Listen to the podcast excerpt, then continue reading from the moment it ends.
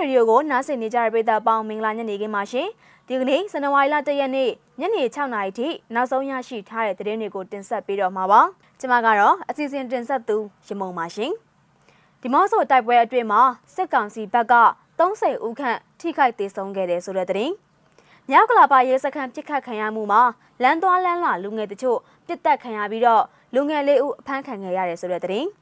ဝင်းတုံမြို့နယ်နန်းခမ်းရဲကင်းစခန်းမိလောင်ခဲ့တယ်ဆိုတဲ့သတင်းတွေအပါအဝင်စီးပွားရေးသတင်းတွေကိုတင်ဆက်ပေးတော့မှာပါ။ဦးဆောင်သတင်းသဘောအနေနဲ့ကရားပြည်နယ်ကသတင်းကိုတင်ဆက်ပေးကြပါမယ်။ကရားပြည်နယ်ကရင်နီဒီမော့ဆိုနယ်အတွင်းမှာအကြမ်းဖက်ဆဲအုပ်စုနဲ့ကရင်နီပူးပေါင်းတပ်ဖွဲ့တို့တိုက်ပွဲပြင်းထန်ခဲ့ကဆဲအုပ်စုဘက်က30ဦးခန့်ထိခိုက်ဒေဆုံးခဲ့တာဖြစ်ပြီးလေကြောင်းပစ်ကူတိုက်ခိုက်မှုတွေပါလှုပ်ဆောင်ခဲ့တယ်လို့ KNDF ကသတင်းထုတ်ပြန်လိုက်ပါတယ်။မနေ့ကဒီဇင်ဘာလ31ရက်နေ့ မနက်၈နာရီမိနစ်30ခန့်ကစတင်ပြီးတော့အကြမ်းဖက်ဆဲအုပ်စုတက်ဆွဲထားတဲ့ငွေတောင်ဆယ်အနီးနဲ့မြို့မရဲဆက်ခန့်တွေကိုကရင်နီတက်တော် K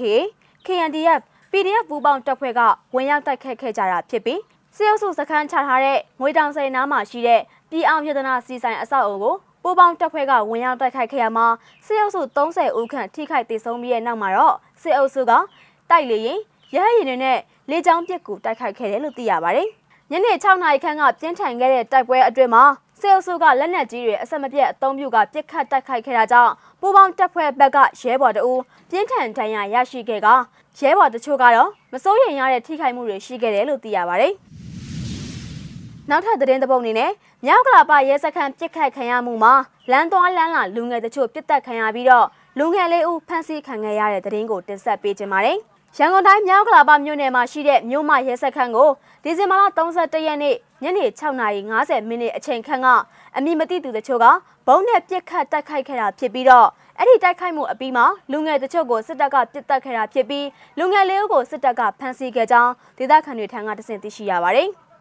မနေ့ကရဲစခန်းထဲကပြန်ပစ်လို့ကြည်ထိတဲ့ပြည်သူတွေလည်းစစ်ရုံရောက်လာတယ်။စစ်တပ်ကပစ်တဲ့အချိန်လမ်းပေါ်မှာတွာလာနေတဲ့သူတွေပါ။ဘာကြောင့်ဒဏ်ရာရလဲဆိုတာကိုသူတို့ကိုရဲတွေကလာစစ်တယ်။လူငယ်တချို့ရဲ့အလောင်းရောက်လာတာလည်းရှိရဲလို့မြောက်ကလာစေယုံကဝန်ထမ်းတို့ကပြောကြားခဲ့ပါတယ်။မြောက်ကလာပရဲစခန်းပြစ်ခတ်တိုက်ခိုက်မှုမှာဒူရဲအုပ်အောင်ကျော်ဦးတေဆုံးခဲ့တာဖြစ်ပြီးတော့တပ်သားတအုပ်လည်းဒဏ်ရာအပြင်းထန်ရရှိခဲ့ကြောင်းအဲ့ဒီပြစ်ခတ်မှုမှာစစ်တပ်ကလူငယ်တချို့ကိုလည်းပြစ်တက်သွားတာဖြစ်ပြီးတော့လူငယ်လေးကိုလည်းဖမ်းဆီးသွားကြောင်းသိရှိရပါတယ်။ လက်ရှိမှာတော့မြောက်ကလာပရဲစခန်းရှိကိုလမ်းပိတ်ထားတာဖြစ်ပြီးရက်ထားတဲ့ကားနှစ်စီးလုံးမှာကြည်ပေါက်ရာတွေနဲ့သွေးကွက်တွေကိုတွေ့ရှိရကြောင်းဒေသခံတွေထံကတဆင့်သိရှိရပါတယ်။နောက်ထပ်သတင်းသဘောအနေနဲ့ဝင်းတုံမြို့နယ်တဲကရဲကင်းစခန်းမီးလောင်ခဲ့တဲ့သတင်းကိုတင်ဆက်ပေးခြင်းပါတယ်။ စကိုင်းတိုင်းဝင်းတုံမြို့နယ်နန်းခမ်းရဲကင်းစခန်းကိုဒီဇင်ဘာလ31ရက်နေ့ည9:50မိနစ်အချိန်မှာမီးလောင်သွားခဲ့ပြီးပြည်သူတွေကမီးဆိုတဲ့အတန်ကြောင့်မင်းငိမ့်တက်ဖို့အတွက်ထွက်လာခဲ့ကြပေမဲ့ရဲကင်းစခန်းမီးလောင်မှန်းသိတဲ့အခါမှာတော့မငိမ့်တက်တော့ဘဲနဲ့ပြန်သွားကြကြောင်းဒေသခံတွေကပြောဆိုခဲ့ပါတယ်။ဝင်းသူမြို့ကရွာတွေထဲမှာရှိတဲ့ရဲကင်းစခန်းတွေမှာရဲတွေမရှိတော့ဘူးအကောင်လုံးအင်အားကိုမြို့မှာရဲစခန်းတွေမြို့ပေါ်မှာပြန်စုထားတာပါအဲ့ဒီကင်းစခန်းကလည်းရဲမရှိဘူးအဆောင်တွေလည်းမရှိဘူး အဲ့တော့မီးလောင်နေရှိုမီးလောင်ဘလို့လောင်လဲဆိုတာကိုတော့သိချမသိရှိရသေးတာပါမီးဆိုတဲ့အော်တန်ကြားလို့လူတွေထွက်လာပေမဲ့ရဲကင်းမီးလောင်မှန်းသိတော့အကုန်ပြန်သွားကြတယ် စခန်းလဲမီးငိမ့်မဲ့သူမရှိဘဲနဲ့ပြကြသွားတယ်လို့ဝင်းတုံမြို့နယ်ကဒေသခံတအုပ်ကပြောကြားခဲ့တာဖြစ်ပါတယ်။ကောင်းလင်းမြို့နယ်ဝင်းတုံမြို့နယ်နဲ့ပင်လယ်ဘူးမြို့နယ်ကျေးရွာတွေမှာရှိတဲ့ရဲကင်းတွေမှာရဲတွေကိုလုံးဝမထားတော့ဘဲနဲ့မြို့ဝါတွေမှာသာရဲအလုံးစုစည်းနေကြတဲ့အတွက်မကြာခဏဆိုသလိုရဲကင်းတွေမိရှို့ခံရကြောင်းဒေသခံတွေကရန်ကုန်ခေတ်သစ်သတင်းဌာနကိုပြောကြားခဲ့တာပဲဖြစ်ပါတယ်။နောက်ဆုံးသတင်းသပုတ်အနေနဲ့စီးပွားရေးသတင်းသပုတ်ကိုတင်ဆက်ပေးကြပါမယ်။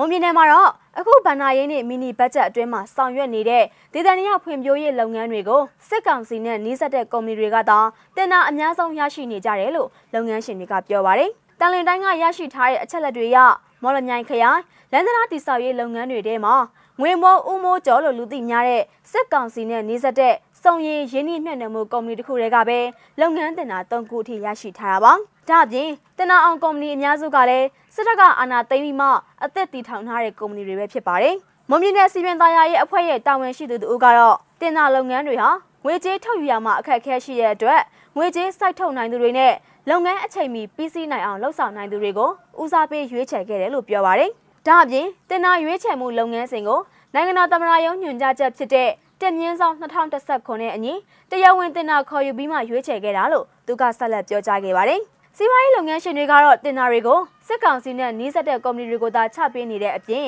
အရင်လိုမျိုးလွတ်တော်ကမစီစစ်နိုင်တော့တာကြောင့်လုပ်ငန်းပိုင်းမှာအားနည်းမှုတွေရှိရလို့ပြောနေကြပါတယ်။ဒါအပြင်စစ်ကောင်စီရဲ့တင်နာလုပ်ငန်းတွေအတွက်ကုမ္ပဏီတွေကိုရွေးချယ်တဲ့အခါမှာလည်းအရင်လိုမဟုတ်တော့ဘဲနဲ့ဘယ်လိုလှုပ်ထောင်းလုပ်နည်းတွေနဲ့ရွေးချယ်လဲဆိုတာကိုတော့တေချာမသိရှိရတဲ့အတွက်ကြောင့်ပွင့်လင်းမြင်သာမှုမရှိဘူးလို့ဆိုပါတယ်။ မွန်ပြည်နယ်မှာတော့အခုဗန္နာရေးနဲ့မီနီဘတ်ဂျက်အတွင်းမှာတင်နာခေါ်ယူမှုလုပ်ငန်းအနေနဲ့လမ်းစနာပြပြင်တာတွေအဆောက်အုံဆောက်လုပ်တာတွေနဲ့ဈေးတချို့ပြပြင်တာတွေကိုအများဆုံးတင်နာခေါ်ယူခဲ့တာပဲဖြစ်ပါတယ်။ဇန်နဝါရီလ၁ရက်နေ့ညနေ6နာရီထိနောက်ဆုံးရရှိထားတဲ့သတင်းတွေကိုညစမရေဒီယိုကနေထုတ်လွှင့်တင်ဆက်ပေးခဲ့တာပါ။နားဆင်ပေးခဲ့တဲ့အတွက်ကျေးဇူးတင်ပါတယ်ရှင်။